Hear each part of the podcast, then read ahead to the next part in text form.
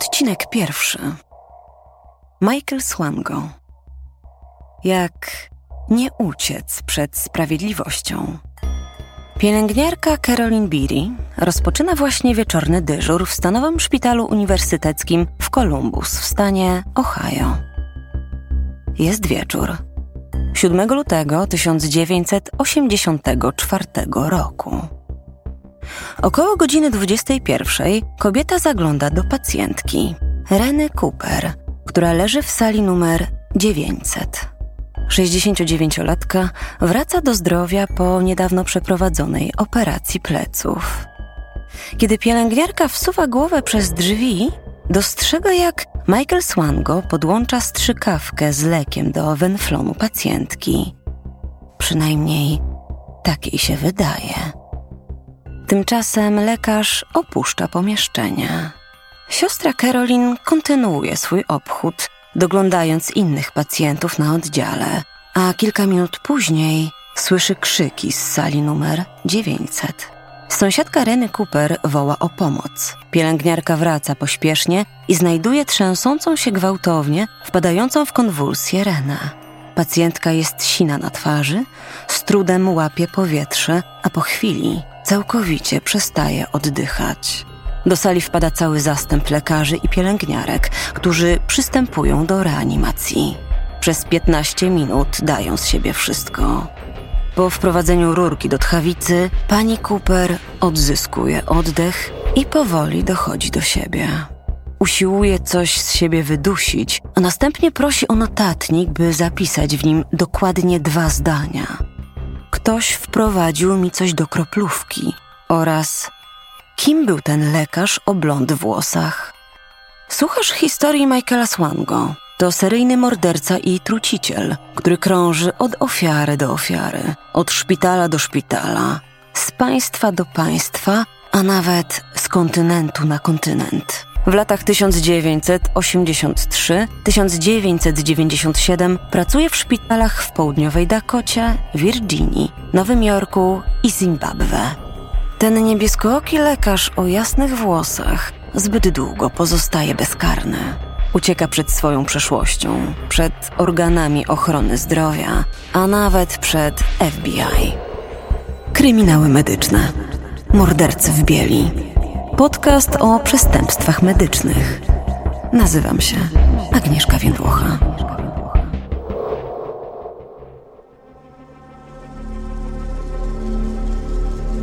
Tajemnicze zgony. Jest początek lat 80. Michael Swango właśnie ukończył studia medyczne i odbywa praktykę chirurgiczną w szpitalu uniwersyteckim w Columbus w stanie Ohio. Dzień po wieczornym incydencie pacjentka Rena Cooper z sali numer 900 odzyskuje mowę i opisuje lekarzowi dyżurnemu tajemniczą osobę ze strzykawką. Miał to być wysoki blondyn. Opis idealnie pasuje do Michaela. Ten jednak zaprzecza, by kiedykolwiek zbliżał się do sali, w której leży Rena Cooper. Jego wyjaśnienia nie brzmią zbyt przekonująco. W końcu w pokoju pacjentki Zastała go nie tylko siostra Caroline. Również pielęgniarz Joe Risley zauważył, jak chwilę po incydencie Swango z dziwnym wyrazem twarzy wybiega z pustej sali na końcu korytarza, jak gdyby przed czymś uciekał. W toalecie Risley znajduje strzykawkę, która właśnie została wypłukana i jest jeszcze wilgotna. O co chodzi z tą strzykawką? Dlaczego Michael Swango nie wyrzucił jej zgodnie z przepisami? A przede wszystkim – co robił przy łóżku Reny Cooper.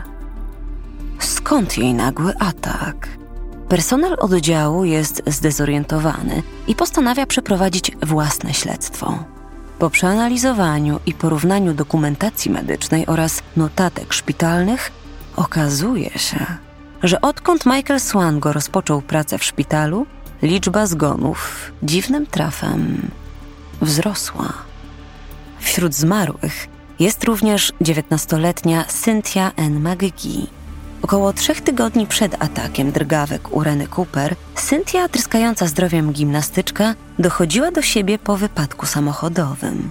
Jednak w nocy z 14 na 15 stycznia 1984 roku nagle została znaleziona martwa w swojej sali. krótko przed tym zdarzeniem Słanko miał pobrać jej krew. Prokuratura ustaliła później, że praktykant zamordował młodą pacjentkę zastrzykiem z potasem. Wkrótce po śmierci Cynthii umierają również w niewyjaśnionych okolicznościach 21-letni Richard DeLong i 47-letni Rain Walker. Każdy z tych przypadków zbiega się z obecnością stażysty na oddziale. Dyrekcja pielęgniarska dzieli się swoimi podejrzeniami z przełożonym, profesorem neurochirurgii Josephem Goodmanem. Profesor początkowo nie dowierza zgłoszeniu. Oschle informuje pielęgniarki, że powinny zająć się pracą, a nie rozpowszechniać plotki. W końcu obiecuje jednak, że przyjrzy się sprawie. Przesłuchuje Renę Cooper i analizuje dokumentację łącznie siedmiu podejrzanych zgonów. Nie rozmawia przy tym z lekarzami czy pielęgniarkami, którzy zareagowali na zgłoszenia alarmowe. Także znaleziona strzykawka nie zostaje poddana badaniom. Swango jako stażysta otrzymuje jednak bardzo złą opinię. W związku z tym uniwersytet odmawia mu przyjęcia na specjalizację. Gdy mężczyzna zostaje poinformowany o decyzji, wychodzi ze szpitala wściekły. Kim jest ten człowiek? Zero Zero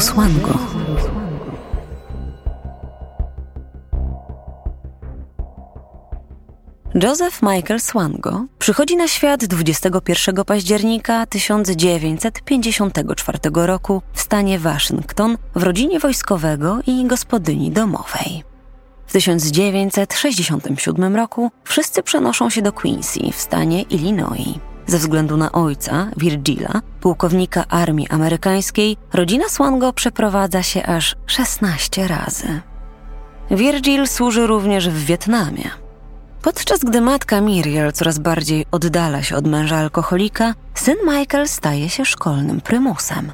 Nauczyciel z gimnazjum opisuje go jako fenomenalnego klarnecistę, jednego ze swoich najlepszych uczniów. Przyćmiewa on osiągnięciami dwóch braci, Boba i Johna, oraz przyrodniego brata Richarda. Michael kończy szkołę średnią w 1972 roku jako klasowy prymus, a w teście predyspozycji do koledżu osiąga aż 97%. Z IQ równym 160 zyskuje miano geniusza. Geniusza z zamiłowaniem do mrocznych aspektów życia. W wolnym czasie wertuje gazety w poszukiwaniu szokujących historii kryminalnych i zakłada album z artykułami o katastrofach samochodowych i lotniczych, krwawych zamachach wojskowych oraz brutalnych przestępstwach seksualnych. Po dwóch latach służby w amerykańskiej piechocie morskiej, w wieku 24 lat, rozpoczyna studia na Uniwersytecie Medycznym w południowym Illinois. Tutaj jego problemy po raz pierwszy wychodzą na światło dzienne. Uważany jest za leniwego studenta, który zamiast skupić się na studiach, woli pracować w karetce pogotowia ratunkowego. Pewnego razu nie umie określić położenia ludzkiego serca na zdjęciu rentgenowskim, z czym powinien poradzić sobie nawet początkujący student. Innym razem na zajęciach z anatomii partaczy sekcję zwłok do tego stopnia, że ciało zostaje wystawione na widok publiczny ku uciesze całego uniwersytetu. Jednak Swango nawet nie zauważa kpin ze strony studentów. Z trudnością integruje się z otoczeniem. Wyróżnia się na tle innych nosząc mundur piechoty morskiej. Wszyscy mają go za wycofanego introwertyka, który przejawia wręcz fanatyczną dbałość o sprawność fizyczną. Wystarczy, że wykładowcy przyłapią go na najdrobniejszym błędzie, a on natychmiast kładzie się na podłogę i zaczyna robić pompki. Za karę, jak w wojsku. Niektórzy studenci opisują go jako psychopatę. Słonko wykazuje również wielką fascynację umierającymi pacjentami, jak gdyby nie mógł się doczekać, aż wyzioną ducha. Po każdej śmierci pacjenta, ten młody student medycyny ma w zwyczaju pisać na szpitalnej tabliczce grubymi czerwonymi literami słowo died, czyli zgon. Gdy któregoś razu kolega pyta Michaela, jak może być tak nieczuły, ten odpowiada, że śmierć to nic nadzwyczajnego. A przytrafia się ona znacznie częściej, gdy Swango jest w pobliżu. Jego znajomi, pół żartem, pół serio, zaczynają nazywać go 00 Swango. to aluzja do Jamesa Bonda 007 z licencją na zabijanie. Kiedy w 1982 roku umiera ojciec Michaela, z którym chłopak nie utrzymywał bliskich stosunków, matka przekazuje mu kilka osobistych rzeczy zmarłego. Wśród nich znajduje się album wypełniony artykułami i zdjęciami z najgorszych katastrof na świecie. Od zamachów po masowe morderstwa. Z ojca był całkiem niezły gość, zauważa Michael. Chłopak zainspirowany manią kolekcjonerską ojca zbiera w segregatorze coraz więcej świadectw krwawych wydarzeń. Jego zbiór mrocznych publikacji staje się coraz bardziej rozbudowany. Pewnego wieczoru kolega pyta go o tę dziwną obsesję na punkcie śmierci. Jeśli kiedykolwiek zostanę oskarżony o morderstwo, odpowiada Michael, ten zbiór stanie się dowodem na moje zaburzenia psychiczne. Na miesiąc przed ukończeniem studiów Swango zostaje przyłapany na symulowaniu badania profilaktycznego podczas odbywania stażu na oddziale położnictwa i ginekologii. Sporządza raport o pacjentce, nawet nie rozpoczynając badania. Komisja dyscyplinarna przegłosowuje jego zwolnienie.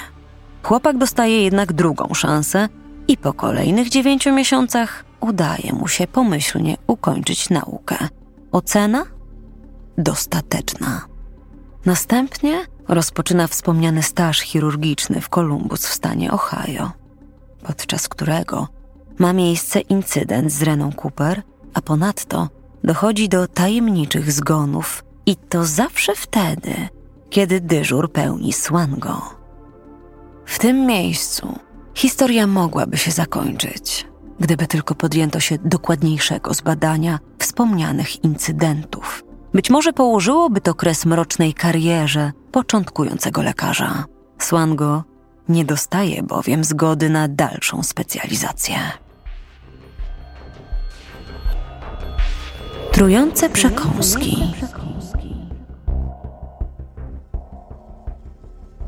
Bezrobotny Swango postanawia wrócić do rodzinnego miasta Quincy w stanie Illinois. Tam w lipcu 1984 roku znajduje pracę na szpitalnym oddziale ratunkowym hrabstwa Adams. Niektórym w jego zespole wydaje się to dziwne, że ktoś z wykształceniem medycznym zostaje zwykłym ratownikiem. Jednak mężczyzna tłumaczy swój wybór tym, że potrzebuje przerwy. Również tutaj w pewnym momencie wychodzą na jaw brutalne upodobania Michaela. Podczas oglądania programu telewizyjnego o słynnym seryjnym mordercy mówi do kolegi, Marka Krzysztofczyka, czy to nie byłoby wspaniałe? Podróżować po kraju i zabijać ludzi. Tak po prostu chodzić i szukać kolejnych ofiar. Cóż za cudowny sposób na życie. Wszyscy jednak biorą powiedzenia Swango za puste frazesy i czczą gadaninę. Do czasu. Do czasu incydentu z pączkami. Jak to się w pracy zdarza, pewnego dnia ku uciesze ratowników medycznych na dyżurze, Michael przynosi do pracy pudełko świeżo upieczonych pączków. Wszyscy z wielkim apetytem rzucają się na smakołyki. W ciągu następnej godziny cały zespół dostaje mdłości. Skurcze żołądka, zawroty głowy i wymioty pojawiają się u wszystkich, z wyjątkiem Michaela Swango. Jako jedyny nie poczęstował się przyniesionymi pączkami. Jak wykazało późniejsze śledztwo, dodał do nich preparat na mrówki. 23 sierpnia 1985 roku trujące przekąski przynoszą Swango wyrok, skazujący za spowodowanie ciężkiego uszkodzenia ciała u siedmiu osób i pięć lat więzienia. O całej tej historii dowiaduje się również stan Ohio. Wyrok skazujący Michaela Swango jest przyczyną, dla której w szpitalu uniwersyteckim w Columbus wznowione zostaje śledztwo. Czy może to rzucić nowe światło na tajemnicze zgony, jakie miały miejsce podczas studiów medycznych Michaela? Władze nakazują ekshumację pacjentów Swango, którzy umarli w niewyjaśnionych okolicznościach. Co najmniej jeden z nich, Ricky DeLong, bez wątpienia został uduszony. Pomimo tego, że Swango zaznaczył w akcie zgon z przyczyn naturalnych. W tym momencie prokuratura rozważa, czy nie przedstawić mu zarzutu morderstwa i usiłowania zabójstwa, ale rezygnuje ze względu na brak dowodów. Ucieczka od przeszłości.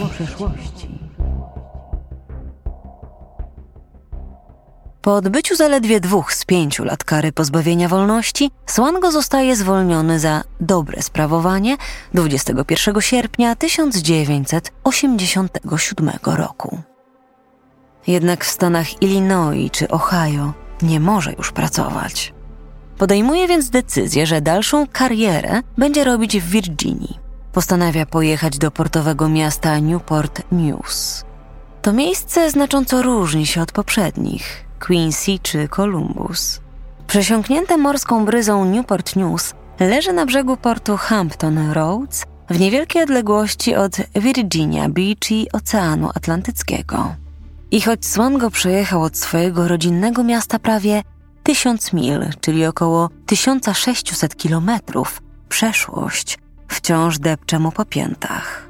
Kiedy próbuje uzyskać prawo wykonywania zawodu w Virginii, czujne władze odrzucają jego wniosek. W dotychczasowej karierze mężczyzny znajduje się bowiem kilka niewyjaśnionych, budzących podejrzenia faktów. Młody lekarz bez namysłu zatrudnia się jako doradca zawodowy, ale wkrótce zostaje zwolniony, ponieważ w godzinach pracy uzupełnia swój album o katastrofach. Nie zagrzewa miejsca również jako technik laboratoryjny. Kilku pracowników woła o pomoc, skarżąc się na uporczywe i nasilające się bóle brzucha.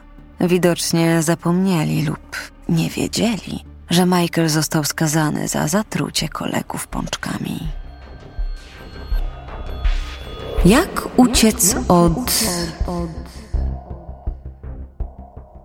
W 1991 roku w życiu Swango pojawia się kobieta. To Christine Lynn Kinney. Piękna, rudowłosa 26-latka, świeża po rozwodzie. Poznają się w szpitalu Riverside w Newport News i zakochują się w sobie. Christine, która w wolnym czasie pomaga bezdomnym jako wolontariuszka, jest również pielęgniarką. Michael robi właśnie kurs utrwalający wiedzę w jej szpitalu, ponieważ nie traci nadziei, że wkrótce znajdzie gdzieś pracę jako lekarz. I rzeczywiście, po złożeniu aplikacji do szeregu ośrodków opieki zdrowotnej w całym kraju, zaproszono go na studia doktoranckie na Uniwersytecie Południowej Dakoty w Sioux. Oczywiście Swango musi odpowiedzieć na kilka pytań dotyczących jego policyjnej kartoteki oraz karalności. Nie zdradza szczegółów ze swojej trucicielskiej historii. Nie przyznaje się, że został skazany na pięć lat więzienia za ciężkie uszkodzenia ciała w siedmiu przypadkach. Zamiast tego informuje, że siedział tylko sześć miesięcy i wyjaśnia, że uczestniczył w bijatyce w barze, w której kilka osób zostało rannych, a on wziął na siebie rolę kozła ofiarnego. Nikt nie kłopocza się z potwierdzeniem podanych informacji. To poważne niedopatrzenie. Większość stanów nie przyznałaby prawa wykonywania zawodu skazanemu zbrodniarzowi. A mimo to Swango osiąga sukces.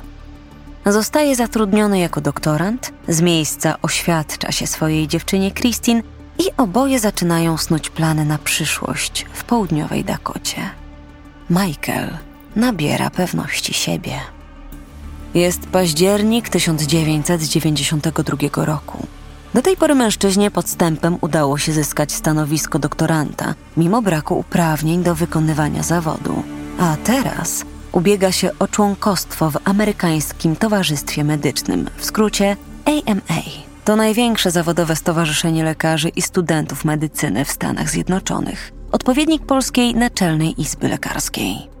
Podczas rutynowej analizy dokumentów stowarzyszenie odkrywa, że Swango nie został skazany za bójkę w barze, lecz za otrucie kolegów z pracy. Michael nie tylko zderza się z odmową przyjęcia, lecz traci również nową posadę doktoranta. Także Christine opuszcza ukochanego.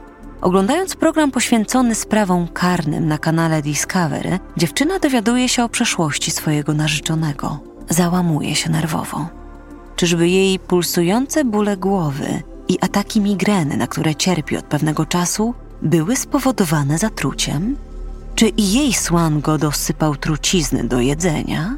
Christine nie może tego dłużej znieść i ucieka do Virginii, gdzie mieszka jej matka. Po rozstaniu z narzeczonym jej bóle głowy mijają jak ręką odjął. Jednak cóż z tego, skoro dziewczyna wciąż kocha Michaela. 15 lipca 1993 roku jej zwłoki z raną postrzałową zostają znalezione w parku. W liście pożegnalnym do rodziców Christine pisze: Nie widziałam już sensu w życiu. Codzienność była wieczną walką z myślami. Skłamałabym, gdybym powiedziała, że jest mi przykro. Odczuwam spokój, spokój ducha, którego tak długo szukałam. Postscriptum do Michaela brzmi: Jesteś najcenniejszym człowiekiem, jakiego kiedykolwiek poznałam. Rodzice Christine są zszokowani. Rozpacz z powodu samobójstwa córki miesza się u nich z przerażeniem przeszłością mężczyzny, którego dziewczyna pokochała nad życie. Matka jest również zszokowana tym, że Swango z tak mroczną przeszłością został w ogóle dopuszczony do praktyk medycznych. Postanawia skontaktować się z dawnymi kolegami Christine. Reakcja łańcuchowa. Podczas gdy Christine Kinney leży w grobie, Michael Swango stara się ratować własny tyłek. Cały on, kłamca i oszust, truciciel, a przede wszystkim lekarz bez uprawnień. Postanawia poszukać szczęścia w nowym stanie federalnym. Jest rok 1993. Swango otrzymuje pracę w Centrum Medycznym Weteranów w Northport na Long Island, w stanie Nowy Jork. Tutaj również nikt nie kwestionuje ważności jego świadectw ani prawdziwości wypowiedzi. Znowu nikt nie dzwoni do izby lekarskiej, która poinformowałaby, że prawo mężczyzny do wykonywania zawodu zostało zawieszone w Ohio i w Illinois. I znów ludzie zaczynają umierać w niewyjaśnionych okolicznościach. Życie zdrowiejących pacjentów kończy się nagle i niespodziewanie. A Swango zawsze znajduje się w pobliżu. W okresie od lipca do października 1993 roku umierają 73-letni Thomas Samarco, George Ciano, lat 60 i Aldo Serini, lat 62. Każdy przypadek wygląda podobnie. Napad padaczki w godzinach nocnych i nagły zgon z powodu niewydolności serca. Wiele lat później Michael Swango przyzna się w sądzie do otrucia tych trzech mężczyzn. Co więcej, Georgia pozbawia życia w dniu wolnym od pracy. W dniu, w którym nawet nie pełni dyżuru. Siedzi na kaloryferze w pobliżu jego łóżka i patrzy, jak mężczyzna umiera od śmiertelnej dawki leków. Zabiłem pana Siano umyślnie. Zezna później Swango. Przecież wiedziałem, że podaję mu substancję, która prawdopodobnie wywoła śmierć. Tak samo miałem świadomość, że nie powinienem tego robić. Jednak w 1993 roku w stanie Nowy Jork nikt jeszcze nie podejrzewa lekarza o morderstwa. Tymczasem w dalekiej Virginii rodzice Christine nie mogą pogodzić się z samobójstwem córki. Obwiniają Swango za śmierć narzeczonej i chcą to wyjaśnić. Mają wrażenie, że w którymś miejscu popełniono rażący błąd. Pragną się dowiedzieć, dlaczego ten mężczyzna w dalszym ciągu praktykuje medycynę. Matka kontaktuje się z jedną z koleżanek córki z południowej Dakoty i mówi jej, że Swango wciąż pracuje. Tym razem w szpitalu weteranów na Long Island. Przyjaciółka Christine jest oburzona, nie miała pojęcia, że temu oszustowi udało się znaleźć kolejną pracę. Przyrzeka uruchomić swoje kontakty. Ta rozmowa staje się pierwszą kostką domina, która przyspiesza koniec kariery Michaela Swango. Już następnego dnia wywołana zostaje reakcja łańcuchowa. Zaalarmowana pielęgniarka informuje dziekana na Uniwersytecie Południowej Dakoty. Ten, oburzony, że jego były doktorant nadal pracuje jako lekarz, informuje o tym doktora Jordana Coena, dziekana Stony Brook University, który z kolei jest sponsorem szpitala weteranów na Long Island, miejsca pracy Michaela. Wezwany na rozmowę, Swango przyznaje, że skłamał w sprawie skazania za otrucie. Zostaje natychmiast zwolniony. Dziekan Cohen informuje o tym również wszystkie 125 wydziałów medycznych i wszystkie tysiąc szpitali uniwersyteckich w całym kraju. Oznacza to, że uzyskanie przez Michaela Swango specjalizacji w Stanach Zjednoczonych staje się praktycznie niemożliwe. któregoś dnia Michael znika. Ucieczka przed FBI. Jako, że szpital dla weteranów jest placówką państwową, o całej sprawie poinformowane zostają również władze federalne. W połowie 1994 roku FBI dowiaduje się, że Swango przebywa w Atlancie w stanie Georgia. Jednak wydanie nakazu aresztowania przeciąga się, co umożliwia przestępcy ucieczkę. Na nowy dom zbrodniarz wybiera Zimbabwe z błękitnym niebem, eukaliptusowymi gajami i stepem, który ciągnie się aż po horyzont. Wystarczą sfałszowane dokumenty poświadczające o jego wybitnych zasługach w Stanach Zjednoczonych. Jest rok 1995. Słanko pracuje w luterańskim szpitalu misyjnym w odległym Mnene. Na początku nowy lekarz wykazuje entuzjazm. Kiedy się pojawił, myśleliśmy, że jest aniołem miłosierdzia, który przybył ratować ludzi. Mieliśmy tak mało lekarzy. Jedna z sióstr wspomina Amerykanina z rzadkimi blond włosami i donośnym głosem, który regularnie uczęszczał na zajęcia biblijne w kościele prezbiteriańskim. Wkrótce jednak przekonaliśmy się, że nie jest miłym człowiekiem. Okazało się, że to anioł śmierci. Swango udaje się na obchody samodzielnie i przepisuje poszczególnym pacjentom wiele lekarstw.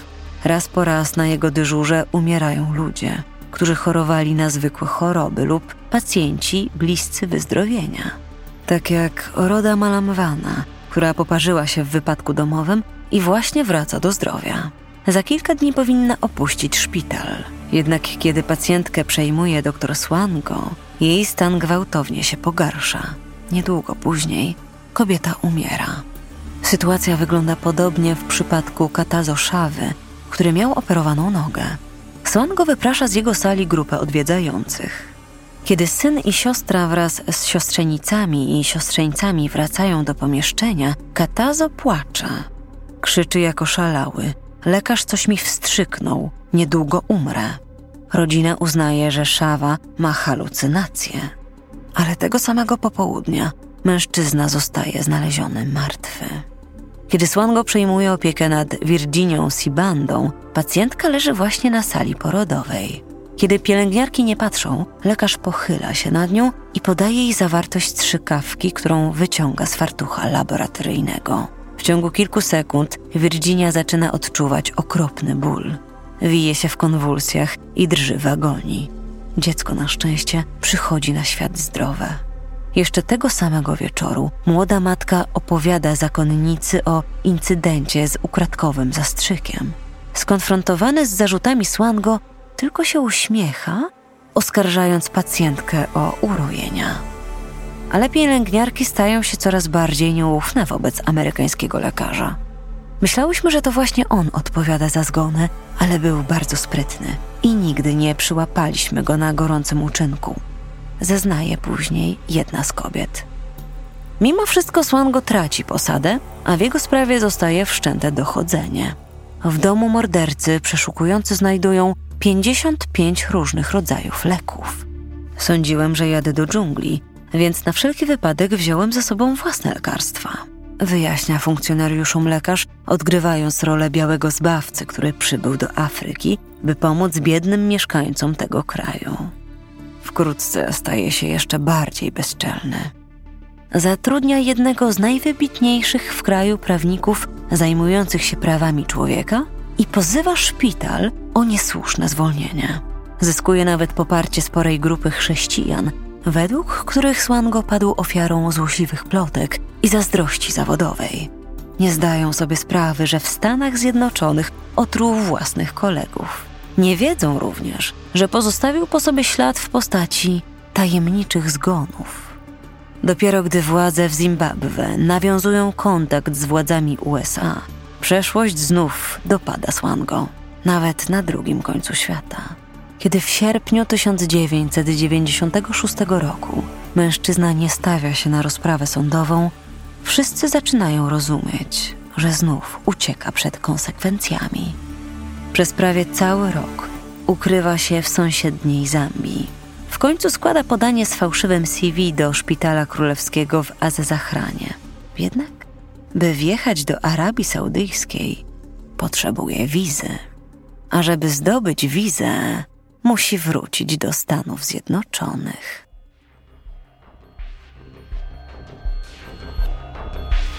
Powrót zbrodniarza. Od ucieczki Słango do Afryki minęły dwa lata, lecz Federalne Biuro Śledcze nie próżnowało w tym czasie.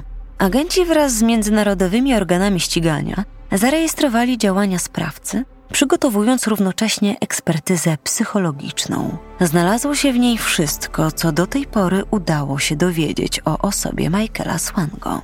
Nieobecny ojciec, dysfunkcyjna rodzina, brutalne fantazje, fascynacja katastrofami, jawne samokaranie jako reakcja na krytykę, np. w postaci pompek, i wewnętrzny przymus oszukiwania. W ekspertyzie nakreślono imponujący profil mężczyzny o skłonnościach narcystycznych, który mimo wszystko potrafi odróżnić dobro od zła. Psycholog sądowy dr Jeffrey Smaldon, który w swojej karierze miał do czynienia z wieloma seryjnymi mordercami, twierdzi, że motorem napędowym Swango jest kontrola, w tym władza nad życiem i śmiercią. 27 czerwca 1997 rok. Lotnisko O'Hare w Chicago. Urzędnicy migracyjni przez wiele miesięcy sprawdzają wszystkie loty.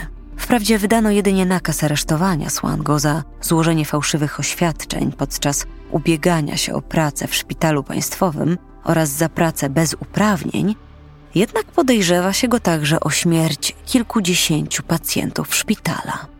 Podczas rutynowej kontroli zbiegłych przestępców w komputerze lotniskowym na ekranie nagle pojawia się nazwisko Michaela. Władze amerykańskie odnoszą sukces i zawdzięczają go czystemu przypadkowi. Swango wysiada z samolotu, by w Stanach Zjednoczonych odebrać wizę do Arabii Saudyjskiej. Jeszcze tego samego dnia planuje przelot do Riyadu. Zamiast tego zostaje jednak aresztowany w terminalu, związany i zaprowadzony na zaplecze. Przestępcy, który powrócił do kraju, odczytuje się przysługujące mu prawa. W obliczu twardych dowodów i perspektywy szeroko zakrojonego śledztwa przypadków śmiertelnych w Zimbabwe w marcu 1998 roku, oskarżony o oszustwo na szkodę rządu, Swango przyznaje się do winy. W lipcu zostaje skazany na 3,5 roku pozbawienia wolności. Ale to nie koniec. Oskarżenie o potrójne morderstwo. Swango przebywa w więzieniu, dzięki czemu władze zyskują czas, by poprzeć dowodami znacznie poważniejsze zarzuty. FBI gorączkowo przyspiesza śledztwo. Podejrzewa się, że mężczyzna może być odpowiedzialny nawet za 60 zgonów. Jednocześnie władze Zimbabwe oskarżają go o otrucie siedmiu pacjentów, z których pięciu zmarło. Przygotowano już oficjalny nakaz aresztowania wraz z nakazem ekstradycji. FBI musi się pospieszyć. Przeprowadzane są przesłuchania z krewnymi osób, które w 1993 roku zmarły w tajemniczych okolicznościach w szpitalu dla weteranów. W końcu dokonana zostaje ekshumacja zwłok osób, których śmierć z rąk Swango wydaje się najbardziej prawdopodobna. W czerwcu 2000 roku Michael zostaje oskarżony o zabójstwo Tomasa Samarka, Georgia Siano i Aldo Seriniego. Mimo, że nowojorska prokuratura zajmuje się tylko trzema morderstwami, Swango przyznaje się również do mordu w Ohio. Chodzi o sprawę Cynthia McGee, 19-letniej akrobatki, która wracała do zdrowia po wypadku samochodowym w szpitalu uniwersyteckim w Columbus w 1984 roku, kiedy Swango odbywał tam swój staż. Pięć stron Basgrove'ów. Osoby na sali sądowej są zszokowane wypowiedziami 45-latka. Zadają sobie podstawowe pytanie: dlaczego? Jak to możliwe, że człowiek jest zdolny do takich rzeczy? Najbardziej przerażającej odpowiedzi dostarcza pamiętnik Michaela Swango. Pięć odręcznie zapisanych kartek z notesu na spirali służy jako dowód w sprawie. Swango, zachłanny czytelnik makabrycznych thrillerów o lekarskiej wszechmocy, przepisał na nich maczkiem fragment z książki Doktor od tortur Dawida Franka z 1975 roku. Ta mroczna, oparta na faktach powieść traktuje o lekarzu z XIX wieku, który próbuje otruć swoją żonę. Jeden z cytatów brzmi: Mógł patrzeć na siebie w lustrze i mówić sobie, że jest jednym z najpotężniejszych i najniebezpieczniejszych ludzi na świecie. Mógł czuć, że jest Bogiem w przebraniu. W pamiętniku znajduje się również cytat z podróżnika Johna Katzenbacha. Jeden z fragmentów to: Zabijam, bo tego chcę. Tylko w ten sposób nie zapominam, że jeszcze żyję. Jest 6 września 2000 roku. Michael Swango stoi na sali sądowej w niebieskim więziennym ubraniu oraz wyblakłych kapciach i przyznaje, że w szpitalu na Long Island zamordował przy użyciu zastrzyku z trucizną trzech swoich pacjentów: Tomasa Samarka, Georgia Siano i Alda Seriniego. Na każde pytanie sędziego beznamiętnie odpowiada: Winny, wysoki sądzie. Przyznając się do winy, unika nie tylko ekstradycji do Zimbabwe, lecz także ewentualnego wyroku śmierci w Nowym Jorku. Zostaje skazany na potrójne, bezwzględne dożywocie.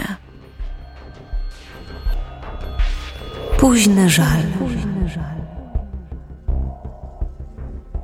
Miesiąc później, w październiku 2000 roku, Swango zostaje ponownie skazany na karę dożywotniego więzienia w stanie Ohio za zabójstwo 19-letniej Cynthia McGee. Przez 16 lat morderca dziewczyny pozostawał bezkarny. Michael przyjmuje werdykt bez słowa, lekko unosząc podbródek. Władze szpitala, w którym zamordowano Cynthię, żałują, że swego czasu zlekceważono alarmujące sygnały. Ten przypadek dowodzi, że środowisko medyczne ślepo ufało słowom kolegi. Czy udałoby się zapobiec dalszym morderstwom Michaela Swango, gdyby lekarze byli w stanie w odpowiedni sposób kontrolować siebie nawzajem? Pytanie to muszą sobie zadać również ci, którzy zaniedbali weryfikację informacji w kolejnych miejscach pracy mordercy. Ile czasu zajmuje wykonanie telefonu? Pięć minut? Swango mógł zabijać dzięki rażącym zaniedbaniom instytucji. One również powinny zostać pociągnięte do odpowiedzialności. Stwierdziła po skazaniu Swango Rosalinda Conroy, przybrana córka Georgia Siano. Wszędzie pozostawiał za sobą ślad śmierci. Jest gorszy niż zwierzę. Zwierzęta nie zabijają dla przyjemności. Michael Swango trafił do zakładu karnego o zaostrzonym rygorze we Florence w stanie Colorado. Prawdopodobnie już nigdy go nie opuści.